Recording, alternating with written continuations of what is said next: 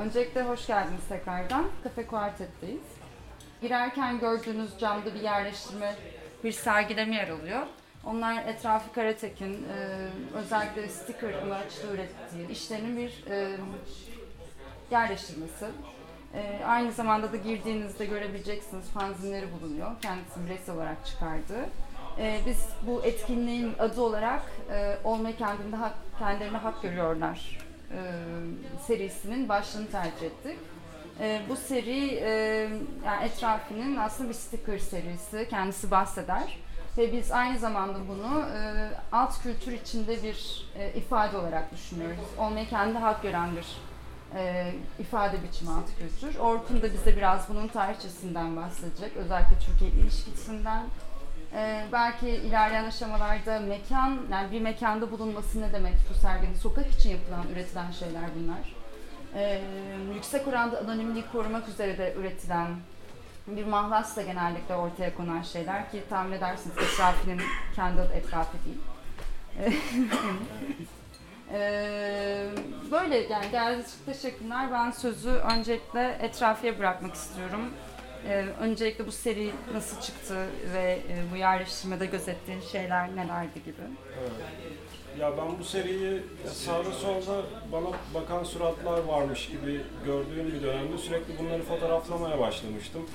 Böyle betonun üzerinde oluşmuş lekeler e, ya da işte yemek artıklarında birikmiş lekeler ya da işte masamın üzerinde tütünler dağılmış onların e, parçacıklarından bak, bana bakan suratlar vesaire bir sürü çeşitlendirebileceğim binlerce rastgelelikle oluşmuş yani herhangi bir müdahale olmaksızın kendi kendine orada sanki e, bana bakan ve bir şeyler söylemek isteyen birileri varmış gibi onları hep fotoğraflıyordum. Daha sonra ben bunları ben görüyorsam e, or- orada burada gizlenmiş şekilde ben bunları görüyorsam şehrin orasına burasına gizleyeyim ve ufak stickerlar halinde basayım. Ve bunun işte olmayı kendilerinde hak görüyorlar. Yani bu gördüklerim kişi de o kendilerinde olmayı hak görüyor. Yani nasıl ki aynı zamanda bu e, söylem e, insanın yani benim de kendimi ol, e, olmakta hak iddia ettiğim gibi onların da aynı şeyi e, söyleyebileceğini vurgulayarak e, altlarında ufak şeritlerle yazılar yazarak e, iki senedir sokaklara yapıştırıyorum. Alsancak'ta, Karşıyaka'da, Buca'da e, belki otobüslerde falan karşınıza çıktıysa bayağı bir hesabı yok. Binlerce yapıştırmışımdır. E, ondan sonra ben bunları e, sokakta büyük e, posterler haline de getirdim. E, sürekli sokağa çalıştım. Bu e, ikinci kez e, iç mekan sergisi halinde. Hatta ilk kez iç mekan sergisi halinde, öteki de iç mekanda.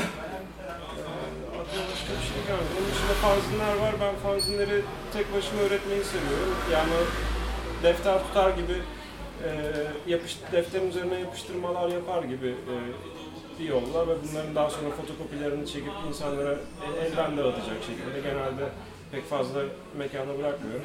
Elden dağıtıyorum. Ee, böyle şimdilik. Orijinalleri şu an yanında. Orijinaller Belki yanında. şimdi evde ne de bu esnada gezdirme şansımız olabilir. Ee, peki şöyle bir soru ekleyeyim ben aynı zamanda. Senin için neden fanzin, neden sticker? Başka yol yöntem mi yoktu? Sen neden bunları seçtin? ya çok basit benim için. Yani en kolayıma bu geliyor. Kimseye bir şey söylemek, kimseden bir, bir, bir şey e, bilgi almak durumunda değilim. Her, herkes bunu yapabilir. O yüzden ben de dandik bir cevap oldu ama ya neden fanzini? Çok seviyorum abi neden fanzini? Çok seviyorum çünkü yani hoşuma gidiyor uğraşması etmesi. Ee, bunların fotokopileri yine yani eskilerinin çoğunu artık çoğaltmıyorum. Ama fotokopilerin bazıları var şu an elimde. O girişteki aynanın önünde duruyorlar alabilirsiniz. Mesela bu kadar e, dışarıda olmayı sevmene rağmen hani bir iç mekanda böyle bir şeyi kabul etmiş olman e, ne nasıl açıklayabiliyorsun? Ya abi- yani niye böyle bir şeyi kabul ettin ya da? Çünkü ben nereye gitsem sana rastlıyorum hani sokakta her yerde işine rastlayabileceğiniz birisi bunu da sevdiğini de biliyorum yani. E, önceki konuşmalarla. Ya görsünler Ben insanları şaşırdım mesela to- bir şey. top, topluca bir yerde yakalayıp hem e, alt metnini insanlara açıklayabilme fırsatım oluyor. Onlar çünkü sokakta şat halinde e, görüp geçiyorsun. Belki görmüşsünüzdür, belki görmemişsinizdir. şey. Ama bunun işte e, ufak bir yani kendince bir e, alt metni de olduğundan insanlarla hem bir söyleşi gerçekleştirelim hem de iç mekanda da ulaşabildiği kadar insana ulaşsın vesaire e, maksadıyla. Zaten sokakta hep devam ediyor. E, onlar e, her zaman cebimde bulunur stikerler hep yapıştırır geçerim zaten. Bu sokaklara da yaptık zaten bir sürü. Karşıyaka'da ya da falan. Ha, evet, bu, bolca dün yapıştırdık ya. E, rota Buraya üzeri- doğru ro- bura- yol yaptık aynen. Ö- özellikle buraya doğru yol yaptık. Ama bence bir sıkıntı yok. Şey grafiti sanatçılarının e, ya da e, şeylerin e, stencil artist ya da e, yani tüm bu alt kültür e, sanatlarıyla uğraşanların iç mekanlarda sergileri sık sık çok uzun senelerdir hatta yapılıyor. Ben de yani hiç yani şey ayıplamıyordum ama e, hiç ben gerçekleştirmemiştim böyle bir sergi. Bana da teklif gelince Ezgi'den tamam dedim olur öyle. Burası da zaten e, şey aşina olduğumuz bir mekan kuartet. Her şey çok uygundu. Oldu. Yani orada ben şöyle bir şey söyleyebilirim. Mesela e, benim de kendi adıma yapmak istediğim şey e, fanzin sergisi kapsamında sergiler düzenleniyor. Ancak e, belki metnin hazırlanmasında ya da yani sadece fanzin sergisi denmesinden ötürü bence belki ilgisini daha çok çekebileceği insanı ilgisini çekmiyor. Yani zaten halihazırda üreten insanların ilgisini daha çok çekiyor acaba bir alternatif üretebilir miyiz? Hani sadece disiplinin adı üzerinden e, bir şey değil de hani bunun kendi içinde bir seri olması zaten bu şekilde bu amaçla hazırlanmış bir seri olması etrafında kavramsal düşünen bir sanatçı olması hani bu, bu yönde ilerlemesi hani bu malzemeyi sağladı bize. Kendisi de kabul edince, işte Orkun da kabul edince bunu böyle biz de tartıştık. İşte Borga'da falan da. Hem mekanla nasıl ilişki kurabilir, hem e, işte bunun dışına çıkmak için böyle bir yol yapmaya çalıştık sticker'la. E, ama bir mesele, bir tartışması da oydu. Yani bir şekilde iletişim kurma ihtiyacı var kendini anlatmaya. Hani bu platformu belki alışılagelmiş olan şeyin dışında ki insanlara nasıl sunabiliriz yani başka platformlarda. Etrafi de kendi dışına çıkmış oldu. Bu e, etkinlik de kendisine ilişkin bir şey eklemiş oldu. bir şey. Yani daha e, şimdi birçok noktada hep farklı farklı şeyler yapılıyor bu 6x6'da. E, bu da o, oradaki bir baharatlardan biri gibi düşündüm sanırım. Hani böyle çok daha Ama her şey baharat zaten burada. Evet, evet, yani yemeğin kendisi tabii sadece onlardan biri. rota. Aynen. Onun için hani birisi ana yemek bunun üzerine katılmış bir şey değil hani. Eşit ağırlığın verildiği bir şey oluyor. Ve biz de bunun avantajını kullanmak istiyoruz aslında. Alt kültürün görünür olması açısından. Çünkü hepimizin bir şekilde e, önemli olduğunu düşündüğümüz bir şey. E, benim için en önemli olan şey anonimlik yani sansürün dışında bir şey olması. Günümüzde çok ihtiyacımız olduğunu düşünüyorum örneğin. Ee, biraz e, hem etrafında üretim alanı olan fanzin ve sticker'dan bahsedeceğim size. Ee, bu alanla ilgileniyorum ben. Biraz akademik olarak da ilgileniyorum e, Orga Hocam'la birlikte. Heh, bağırayım biraz tamam. Ee, şimdi bu e, fanzin ve e, sticker e, meselesi esasında birbirlerinden bağımsız olarak bağımsız zamanlarda e, üretimi artan iki farklı mecra esasında. E, tabii bunların tamamı e, bunun yani bunların ikisinin ortak noktası esasında ikisinin de yeraltı kültürüne e, hizmet etmesi veya yeraltı kültüründen çıkması e, bir e, alt kültür üretim aracı olması e, gibi bir ortak yönleri var. E, ama hem Türkiye'de hem dünyada dediğim gibi e, ortaya çıkma ve gelişim süreçleri birbirlerinden e, farklı ve farklı sebeplerle ortaya çıkıyorlar esasında. E, fanzinin e, Türkiye'deki tarihi 25 yıllık kadar var esasında. E, Türkiye'deki biz ilk fanzini 1991 yılında görüyoruz. Esat Cavit Başak ve arkadaşlarının e, çıkarttığı Mondo Trasho adlı fanzin. Daha sonra onunla eş zamanlı olarak Lanet adlı bir fanzin daha çıkıyor. Çağlan Tekil ve arkadaşları tarafından. E, bunların ikisinin de çıkma sebepleri esasında birbirlerinden farklı. E, kısaca ben ona değineyim. E, Mondo Trasho'nun e, çıkma sebebi şöyle. Esat Cavit Başak zaten hali hazırda fotokopi üretimler yapan e, bir sanatçı e, fotokopinin yöntemlerini araştıran, zorlayan, e, bunu yeniden deneyen biri. E, adlı arkadaşı ona diyor ki sen neden bunları bir araya getirip ortaya bir ürün çıkartmıyorsun diye. Ee, tabii diyor olur neden olmasın. Ee, zaten belli bir arkadaş e, grupları var ve o çerçevede e, bunu çıkartmaya başlıyorlar. Nasıl başlıyorlar? Ee, Esat Cahit Başak'ın babası e, İstanbul'da Sait Halim Paşa yalısının yanındaki e, bir otelde çalışıyor o dönem. E, ve e, Başak'ın e, da o makineyi kullanma e, ihtimali olduğundan kaynaklı üretimlerini orada gerçekleştiriyorlar. E, yaklaşık 50-100 tane falan basıyorlar her sayıdan. Tabii sonra Başak'ın babasının otelle olan ilişkisi kesiliyor. E, daha sonra e, ortak arkadaşlarının çalıştığı ajansa gidip orada üretim yapmaya başlıyorlar. Ee, tabii sadece Mondo Trosho ismi çıkmıyor. Ee, yaklaşık 24 sayı çıkıyor toplamda ama e, işte Mondo Trosho, Mondo Antropo, Mondo Porno, Mondo Piro, e, Mondo Arcano adlı bir sürü e, sayı çıkıyor. Bir tane de fax sayısı yapıyorlar ve faxla dağıtımını gerçekleştiriyorlar.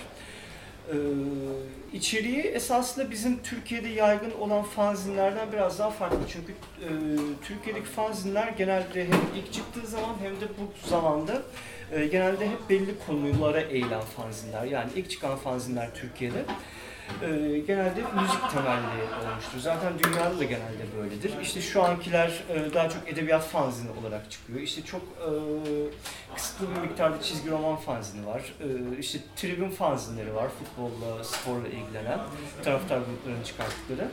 E, fakat Mondo Trosho'da birçok şey bulabiliyoruz. Yani e, sosyolojiyle alakalı yazılar, antropolojiyle alakalı yazılar, sinema yazıları, e, müzik playlistleri, çeviriler, e, müzik gruplarının değerlendirmeleri, film değerlendirmeleri, pornocular, film artistleri, aktivistleri, e, yani sanatsal anlamda tartışabileceğiniz birçok e, içerik bulabiliyorsunuz içinde.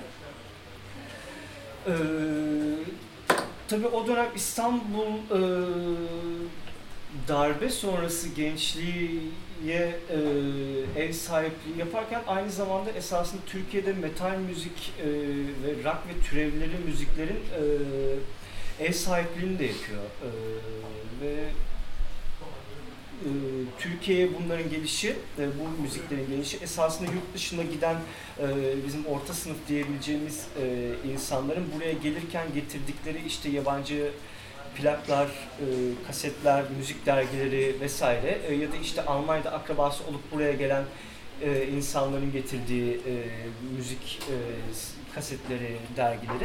E tabi gençler bunları gördükçe bunlara ilgi duymaya başlıyorlar. Bunlara ilgi duymaya başladıkça o şekilde yaşamaya çalışıyorlar. O şekilde hayatlarını sürdürmeye e, çalışıyorlar. Gördüklerini yapmaya çalışıyorlar biraz. Yani esasında e, Türkiye'de rock ve türevi müziklerin e, gelişimi e, Avrupa'daki gibi işte savaşla ilişkili olarak değil, biraz görerek gelişmiş bir mesele esasında. E, bununla alakalı mekanlar da esasında biraz bu şekilde gelişiyor. E, işte bu bahsettiğim e, Mondo ile birlikte eş zamanlı olarak çıkan Lanet de e, biraz böyle bir durumdan ortaya çıkıyor aslında e, Çağlan Tekin öncülüğünde. E, o dönem e, Türkiye'de bu tarz müziği dinleyen insanlara hatırlarsınız çok e, satanist damgası vuruluyordu. Hatta Akmar pasajına baskınlar düzenlendi bundan kaynaklı. İşte çok e, önemli yani o o e, eşrafın sembol insanları gözaltına alındı. İşte tabii yani belli bir zaman e, birkaç cinayetten de söz edildi tabii ama yani bunu komple bir e, kültüre yorumlamak çok e, mantıklı bir hareket değildi o zamanlar. E, de yine bu tarz bir ihtiyaçtan yani biz e, bir müziği dinliyoruz, bir kültürü yaşıyoruz ve kendimizi insanlara ifade etmemiz lazım. e, gibi bir ihtiyaçtan yola çıkarak e, çıkarttılar laneti. Tabii bu da uzunca bir süre çıktı. Şimdi bu fanzinler esasında bizim için şu an biraz heves e, ürünü gibi gelebiliyor ya da çok ekstra bir üretim gibi gelebiliyor. E, fakat esasında e, yani burada birçoğumuzun yaşı yetiyor. E, o dönem gerçekten böyle bir üretim çok kıymetliydi çünkü insanların fanzinlerin içinde yer alan bilgilere erişme imkanı hiç yoktu neredeyse. Ee, yani şu an bu fanzinlerde olan e, bilgiler çok yakınımızda internette birlikte fakat e, o dönem bunlara erişmek mümkün değildi. E, bunların bir avantajı da ana akım medyada yer almayan, ana akım medyada bulamayacağımız, çok kolay şekilde erişemeyeceğimiz e, özellikle neoliberal politikaların gelmesiyle de e, erişemeyeceğimiz e, birçok bilgiyi edinebiliyordu insanlar fanzinlerden.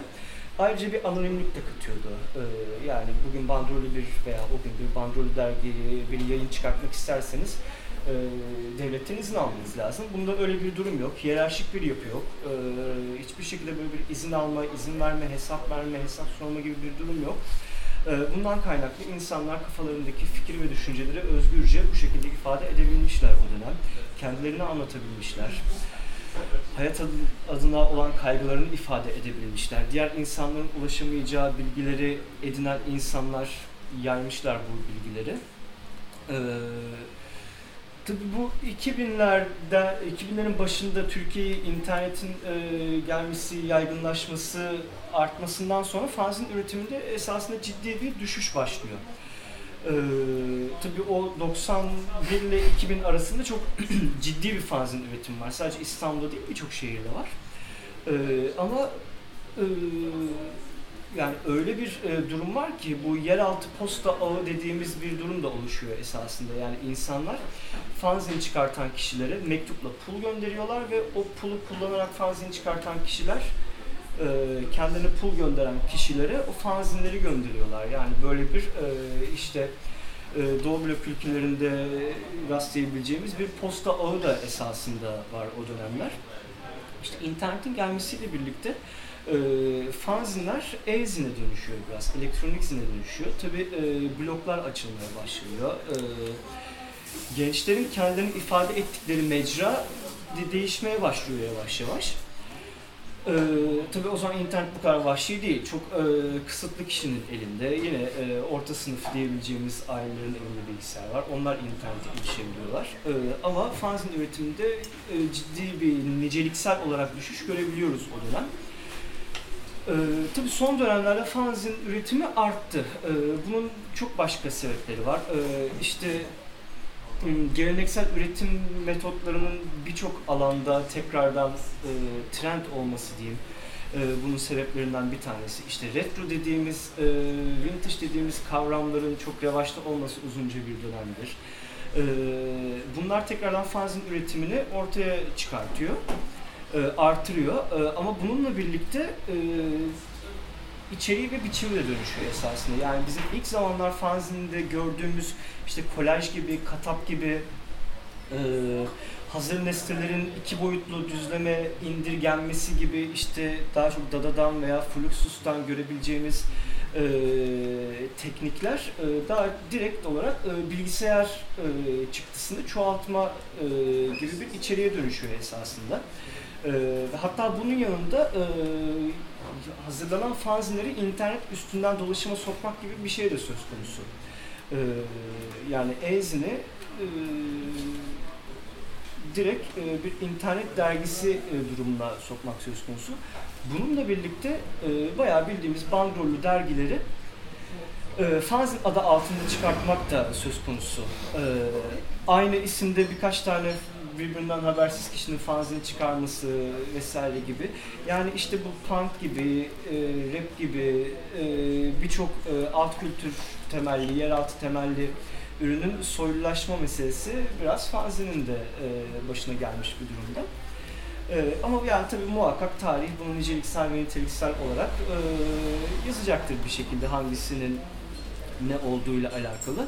E, tabii bu fanzinle birlikte e, Persian meselesi de biraz ortaya çıkıyor. Çünkü fanzin dediğimiz e, mecra esasında fanatic ve magazine kelimelerinin e, birleştirilmesiyle oluşan e, bir ürün. Yani fanların çıkarttığı e, neşriyat esasında. Fakat işte etrafı veya etrafı gibi e, kişilerin tamamen kişisel olarak yaptıkları e, yayınlar da söz konusu. İşte bunlar da personalism, e, Persian olarak e, geçiyor. E, bugünlerde e, bu mesele biraz daha e, fazla üretilmeye başlıyor. Çünkü dediğim gibi ilk zamanlarda çıkartan insanlar işte belli bir e, müzik kültürünü yaymak, tanıtmak e, veya belli bir e, takımı e, lanse etmek, futbol takımını lanse etmek adına çıkarken e, işte daha çok şu an insanlar kendi bağımsız yayınlarını ortaya çıkartıyorlar.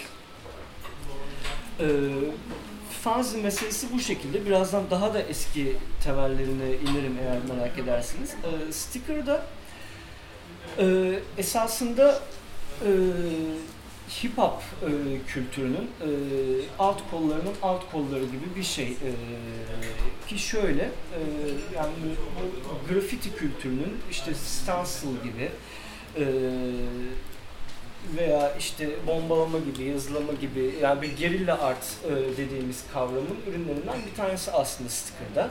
E, slap art diye de geçiyor, işte sticking bombing diye de geçiyor. E, Birçok farklı isimlerle anılabiliyor. E, Türkiye'de tarihi esasında çok eski değil. E, yani fanzin gibi eski bir tarihi yok.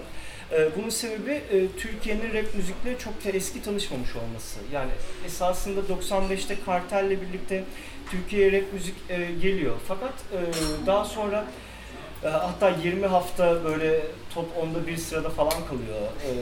İlim Stadı'nda konser falan veriyorlar ve çok kalabalık oluyor. Yani Kartel Türkiye'de çok büyük sükse yapıyor. E, rap müzik adına, hip hop kültürü adına. Fakat Kartel'den sonra e, rap e, müzikte çok e, ciddi bir düşüş oluyor. Yani bir anda pik yapıp bir anda e, tekrardan eski olduğu yere geri dönüyor. E, tabii daha sonra üretimler var. E, İzmir'de de var, e, Ankara'da da var, Bursa'da var, e, İstanbul'da zaten var. E, ama bunlar hep yer altında kalan e, müzisyenler oluyor esasında. Ya, grafiti de çok yaygın değil o zamanlar. Ee, yani biz daha çok duvar boyalamalarını işte siyasi örgütlerden vesaire e, görüyoruz. Siyasi partilerden, siyasi gruplardan görüyoruz. Ee, daha sonra Ceza diye bir rapçi var biliyorsunuzdur. Ee, onun Rapstar diye bir albümü çıkıyor ve o Rapstar albümü esasında Türkiye'de rap müziğin e, kamusal alana çıkmasındaki en büyük e, mihenk taşlarından bir tanesi oluyor. E, ceza zaten yani Türkiye'de rap müziğin kamusal alana çıkmasında çok önemli isimlerden bir tanesi. E, olduğuna ben inanıyorum en azından. Yani diğer isimlerin de tabii muhakkak çok büyük katkıları var rap müziğe. Fakat e, bunlar genelde rap camiasının e, içinde çok bilinip daha sonra cezanın ortaya çıkmasıyla birlikte e, ortaya çıkan insanlar. E, tabii bu demek değil onlar değersiz. Muhakkak onlar da çok değerli. E, işte rap müziğin e, bu şekilde artmasıyla birlikte zaten o dönemler Blue Jean dergisinde e, rap müziğe ayrılan bir bölüm var. E, rock müziğe ayrılan Kara Kutu bölümünün arkasında. Aynı zamanda şey de var tabi. E, grafitiler de gösteriliyor o zaman. İşte e, Turbo'nun, e, Cowboy 69'un vesaire gibi bu bu e, e, editörlüğünü yapıyor. editörlüğünü yapıyor tabii grafiti bölümünün editörlüğünü yapıyor aynı zamanda Blue Jean'de. E, bu arada az önce bahsettiğim Çağlan Tekil de e, Blue Jean dergisinde görev almış uzunca bir süre. Laneti çıkartan.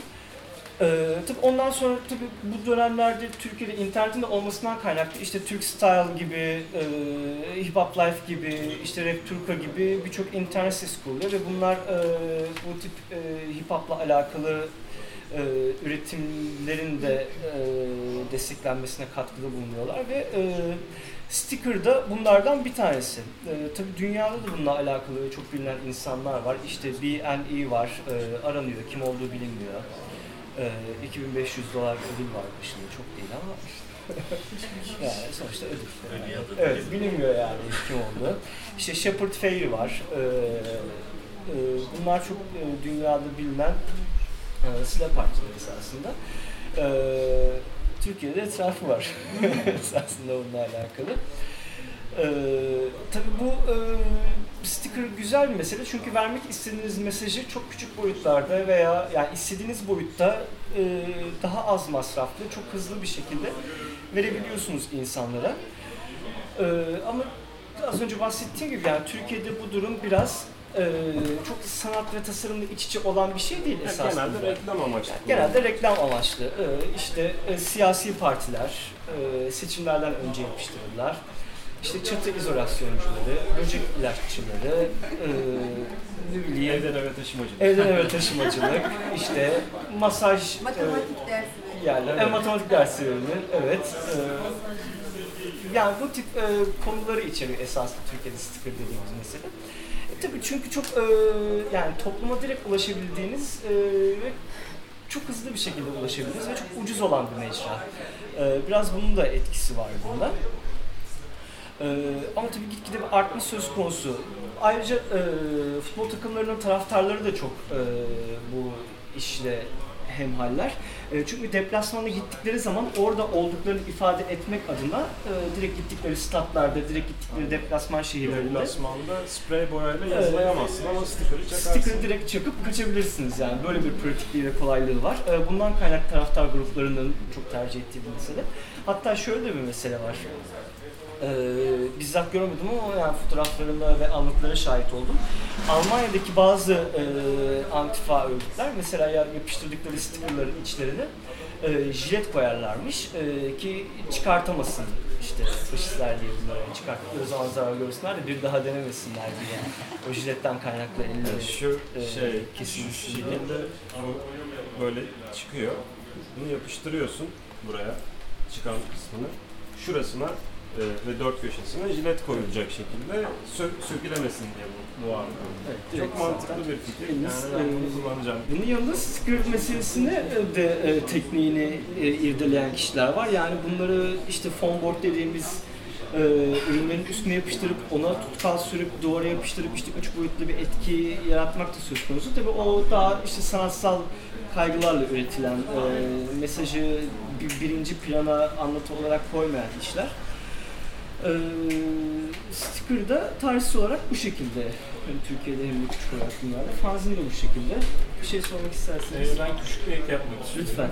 Ee, Esad'ın Mondo Treasho'yu üretirken ki e, bir gününe ben denk geldim. Hı. Ee, yaşlı olmanın böyle güzel avantajları. ne güzelmiş evet. Çok şanslı bir, bir şey. Ee, yani birebir mesela bir sayfayı nasıl kurduğunu e, gördüm. Oradan bir parantez açacağım. O dönem Esad Zen'le de çalışıyordu. Tabii. Ee, yani aslında o Logosunu tekniğin, o tarzın logosunu yapan da öyle. O tekniğin, o tarzın mesela e, kopya, kaset, fotokopi e, kaset kapağı şeklinde Zen'in albümlerinde görüyoruz. Hı hı. De Esad'ın mesela fax kağıdını yakarak çalıştığı bazı şeyleri var. Yani Hı hı. dokuyu yakarak yaptıktan sonra onun üstüne katap yapması gibi. Hı hı. Ee, bunlar ilerleyen zamanlarda senin de çok güzel ifade ettiğin şekilde zamanla kayboldu. Tabii. Jenerasyonlar Evet. değiştikçe ya da işte belki dijital imkanlar artık çok kesme biçme hikayesi, yapıştırma hikayesi dijitalize oldu. Hı hı. Ee, bir de hip hop konusunda şöyle bir şey var. Ee, Kartel kaç yılında çıktı? 95. 95 mi? Emin miyiz ondan? Ben de 95 değil ya. Daha Türkiye eski. girişi Daha son olması lazım. İlkokuldaydım.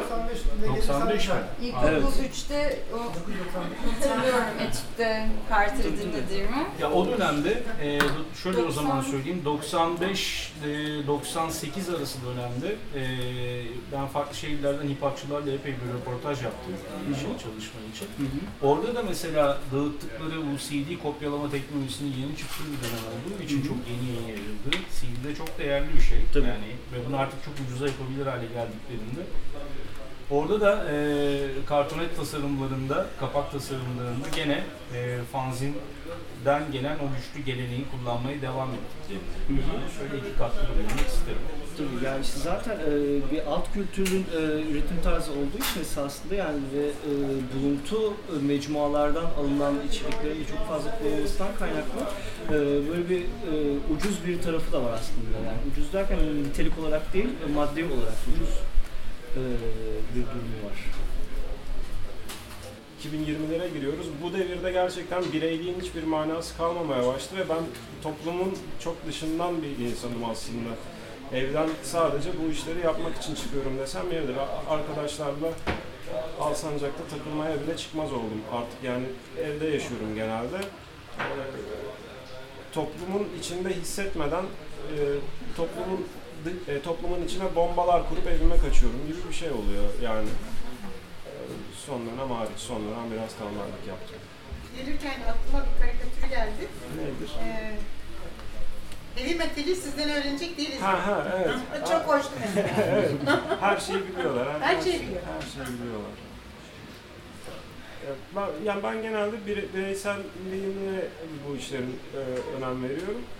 E, kolektif olarak çalışmalara da katılıyorum tabii pek çok kez. Ama genel olarak üretimim tek başıma oluyor. E, gerek fanzin, gerek e, yapıştırma çalışmalarında. E, öyle. Peki yani nasıl haberdar olunuyor? Yani diğer üreticilerden hani eğer yani böyle Ha. gizli toplantılarınız mı? Aynen. o çok önemli bir şey. Sokakta e, herkesin birbirinin izini bulması çok kolay. Çünkü herkes imza atıyor. Tag deniyor ona. Şekil şükür böyle spreyle veya işte markerla veya stickerla. Senin Ee, efendim? Ha ben mesela Kiku yazıyorum sağa sola. Her tarafta Buca'da, Karşıyaka'da, Alsancak'ta ismim Kiku. Ee, pek çok writer deniyor bunlara. Writer arkadaşlarımın isimlerini, nereden geçtiklerini, nerede oturduklarını tahmin edebiliyorum. İskent e, civarında yani Alsancak'ta gördüğüm e, tagleri Dark, Zek, e, Pem bunların hepsini İskent'e doğru eve giderken görebiliyorum. Ha demek ki aynı yerde oturuyormuşuz abi. Hani e, bu, bunun haberleşme yolu olduğunu söyleyebiliriz çok rahat. Yani ben şimdi mesela Buca'dan başlıyorum Kiku diye yazmaya gidiyorum Alsancak'a. Orada kocaman bir duvar kaplıyorum işte stickerlarla veya kostik malzemeyle e, ince kağıtları yapıştırıp. E, onu o aa Buca'da İskent'te oturan eleman yapmış bunu. Kiko ben orada da görmüştüm. E, yani birbirimizle sürekli bu şekilde zaten birbirimizden haberdar haldeyiz. Çünkü ya geliyoruz aa sen oraya imza mı attın ben de oraya bir imza atayım bir tane sticker yapıştırayım falan Ama şu oluyor. anda sosyal medyada da var böyle sayfalar haberleştiğiniz. Tabii tabii. Yani, bayağı da arttı onların sayısı. Önceden daha azdı. Art- artık anonimliğin bir değeri kalmadı abi. Çünkü yani hepimizin anonim e, yani mahlaslarıyla zaten internette yer alıyoruz. Instagram sayfalarımız, Facebook sayfalarımız direkt o kullandığımız mahlasın e, kendisi halinde olduğundan herkes birbirini bulabiliyor da zaten internetten. Eskiden böyle değildi yani is, ismen biliyordun. Ama işte yine de orada fotoğraflarınız, yüzünüz Aynen. yine de göründüğü için o anonimlikten çıkıyor. Hani çıkıyor. mağazasıyla tanınan e, Sen kişiler aslında oluyorsunuz. şu an burada maskenle oturman gerekiyor. E, aynen. Ben tamamen gizemli böyle. Banksy gibi falan. Evet yani. Belki de öyle. Belki de. Hatta sesini Şöyle bile çıkartın. değiştiriyorsun. Çıkıyor. Yok o- ama yani Yaşı tutmuyor Banksy'ye. Şöyle e, yani çok e, çok iddialı çalışmalar yapan kimselerin e, kimliklerini saklamaları mühim. Yani yakalanmaları halinde yani hapse girmek istemez kimse. Black Lorat mesela yakalandı, ceza aldı falan. Aynen. Ama sonra sergi yaptı. Tekrar işlerini kullandı. İşte, evet, yani mesela bir Banksy'nin sergi yapması imkansız gibi bir şey. O e, Banksy'nin e, ya Banksy'nin filmi diye geçiyor ama Banksy'nin filmi falan değil. E, onda Banksy'nin sergi yapmasına dair bir sahne vardı falan. Tam hatırlayamıyorum ama çok hoş bir filmdi. Exit Through Aynen aynen. Banks'in parodi olarak yaptığı bir film o. Evet. Yönetmenliğini e, Banks'i üstleniyor aslında. E, ve gerçekten de hani böyle bir insan var, böyle bir sokak sanatçısı var diye bir adamı hani ele alıyorlar. Ve cidden yani e, çok inanılmaz. Ama o film iki bölümden oluşuyor. Ben şimdi filmi çok iyi bildiğim için size anlatamayacağım Ha, hatırlamı- eyvallah. Ben hatırlamıyorsanız. Şimdi Çok ilk bölümde e, sürekli video kamera e, ile bütün e, işte grafiti yapanları, stencil grafiti yapanları takip edip onlarla birlikte onları görüntüleyen bir adam var. E, sonra bu adam e, bir film yapmayı çok her şeyi kaydettiği için elinde çok büyük bir malzeme var. Tonlarca video kaset var elinde. İşte çok eskiden beri yapıyor çocuk bunu. Video kasetlere kaydediyor. O malzemeyi kullanıp birkaç tane böyle kolaj film yapıyor. Ama çok kötü filmler bunlar. Hani Ha, Mr. iyi, Brainwash. iyi ha. Evet, brainwash. Ee, bir araya getirdiği malzeme çok rezil bir şey. Hani iyi bir malzemeyi kullanamamış e, oluyor. Sonra Banksy ile ilgili bir film yapmaya karar veriyor Brainwash.